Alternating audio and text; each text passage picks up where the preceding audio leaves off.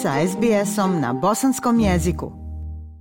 Aisha, lijep pozdrav tebi i slušateljima SBS radija. Ovu sedmicu iza nas obilježilo je hapšenje predsjednika suda BiH i bivšeg direktora OSE. 19. decembra Milanko Kajganić, glavni tužitelj i tužiteljstva Bosne i Hercegovine, potvrdio je na vanrednoj preskonferenciji u Sarajevu da su uhapšeni predsjednik suda BiH Ranko Debevec i bivši direktor OSE Osman Mehmed Agić Osmica. Prema informacijama osumnjičeni da su ne nezakonito prisluškivali sudije suda BiH i pojedine uposlenike tužiteljstva Bosne i Hercegovine i to tokom 2020. godine. Inače, oni su odmah predati u nadležnost tužiteljstva Bosne i Hercegovine, a Kajganić je potvrdio da će sudu biti predloženo određivanje jednomjesečnog pritvora. Potvrdio je da je zvanično uhapšena i advokatica Vasvija Vidović. Prema sada prikupljenim dokazima, dvojica osumnjičeni su počinili krivična djela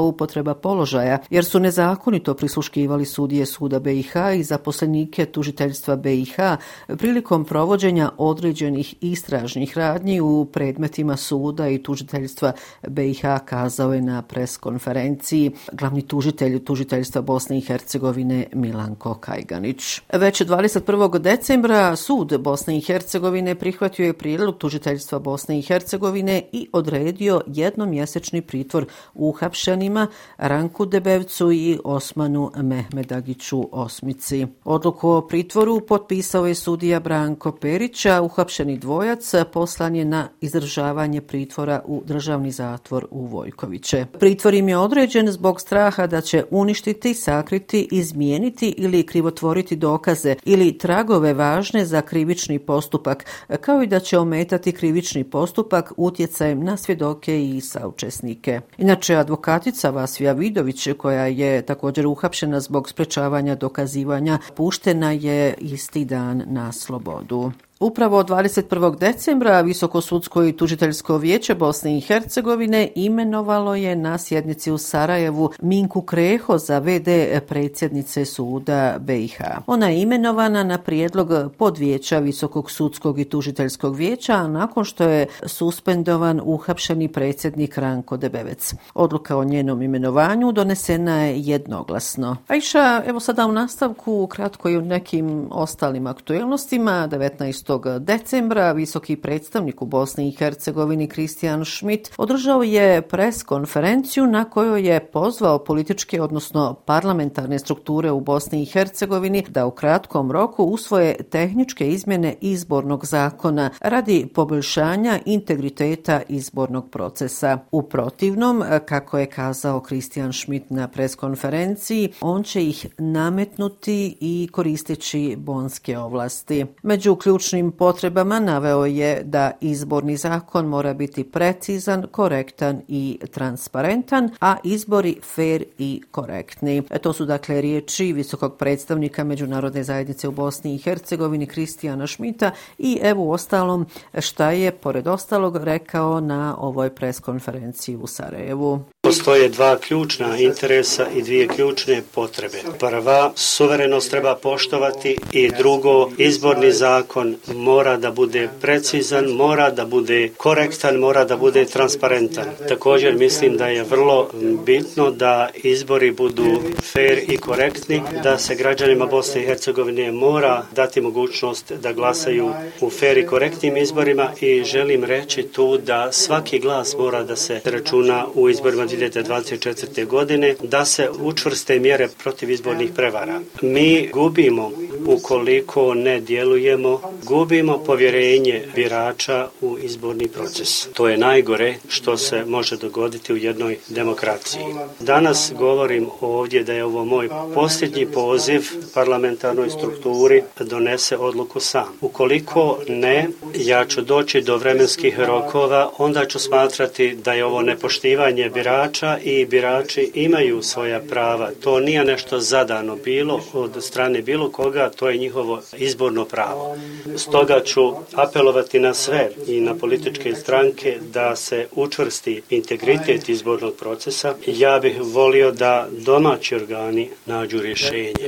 Ja bih onda razmislio da kažem tako u narednih dvije, tri sedmice. U tom slučaju ne radi se o uticaju, odnosno miješanju u rade bilo kojeg parlamenta, nego se radi o jačanju demokracije i jačanju pristupa i integracije u Evropsku uniju. Pravna osnova za, tehnolo za nove tehnologije mora da se sačini centralna izborna komisija, OSCE i druge organizacije, ključujući moj ured, radimo na tome da se uvede elektronsko prebrojavanje glasova, da se uvede identifikacija birača putem otiska prsta ili drugim sredstvima. Zato potrebne su tehničke investicije, potrebna je pravna osnova za tu tehničku investiciju. Očekujem da će pravna osnova za ove tehničke mogućnosti koje su potrebne da se može bolje provjeriti da je sve provedeno na pravi način. Zbog zahtjeva odbrane za izuzeće e, tužitelja ponovo je odgođen početak suđenja predsjedniku Republike Srpske Miloradu Dodiku i vede direktora službenog glasnika Republike Srpske Milošu Lukiću, koji su optuženi zbog neizvršavanja odluka visokog predstavnika Kristijana Šmita. это Dakle, početak ovog procesa trebao je da bude 20. decembra, ali je sudija Mirsada Strika donio odluku o odlaganju, odredivši 17. januar 2024. godine za početak suđenja. Ispred suda Bosne i Hercegovine ponovo su se okupili zvaničnici Republike Srpske, dajući tako podršku Miloradu Dodiku, a on je nakon što je izašao iz sudnice održao opet kratku presu konferenciju. Milorad Dodik je novinarima ponovio da je Kristijan Schmidt neustavan kao i sud BiH. Dodao je da će se suđenje njemu pretvoriti u suđenje Bosni i Hercegovini. 21. decembra ministar financija Bosne i Hercegovine Srđan Amidžić obratio se javnosti nakon sjednice Upravnog odbora Uprave za indirektno oporezivanje Bosne i Hercegovine. On je izrazio nezadovoljstvo rezultatima sastanka koji je održan u Sarajevu. Naime, konkretno, ministar financija Srđan Amidžić je kazao kako je na sjednici bilo ukupno 16 tačaka, te se posebno osvrnuo na onu koja se odnosi na raspodjelu novca od putarina. Odnosno, Amidžić je pojasnio da nije došlo do dogovora. U nastavku poslušajte šta je još rekao na preskonferenciji ministar financija Bosne i Hercegovine Srđan Amidžić. Ja moram reći sa žaljenjem da ta tačka nije naišla na podršku. Nakon četiri mjeseca rada ovde, ja polako sam ubijeđen da je Bosna i Hercegovina ekonomski neodrživa zemlja. Ja ne postavljam pitanje političke održivosti Bosne i Hercegovine, kulturološke, religijske. Pričam samo onome što jeste moj resor ekonomija. Bosna i Hercegovina je ekonomski neodrživa zemlja. Samo u Bosni i Hercegovini imate situaciju gdje ja treba da se osjećam srećan što sam potpisao ugovor sa EBRD-om za izgradnju 15 km autoputa i dvije petlje Mostar Jug, Mostar Sjever i gdje smo se zadužili 110 miliona eura ili samo u Bosni i Hercegovini treba da budem srećan što smo počeli pregovore sa Svjetskom bankom i EBRD-om da se finansira 19,5 km magistralnog puta Foča Šćepan polje i da to doživljavam kao uspjeh, a istovremeno imate situaciju da na računima uprave za indirektno oporezivanje stoji blizu 250 miliona konvertibilnih maraka. Krivo mi je također što se nismo mogli dogovoriti oko nekih manje, neću reći bitnih, ali oni stvari koje imaju uticaj na manji broj ljudi, ali vrlo bitni za neki 30 radnika uprave za indirektno oporezivanje. Zbog neslaganja jednog člana upravnog odbora uprave za indirektno oporezivanje, nažalost moram da vam kažem da će 30 radnika unutar uprave za indirektno oporezivanje ostati bez posla. To su neke ružne poruke i ovakvi sastanci nisu sastanci koji u meni bude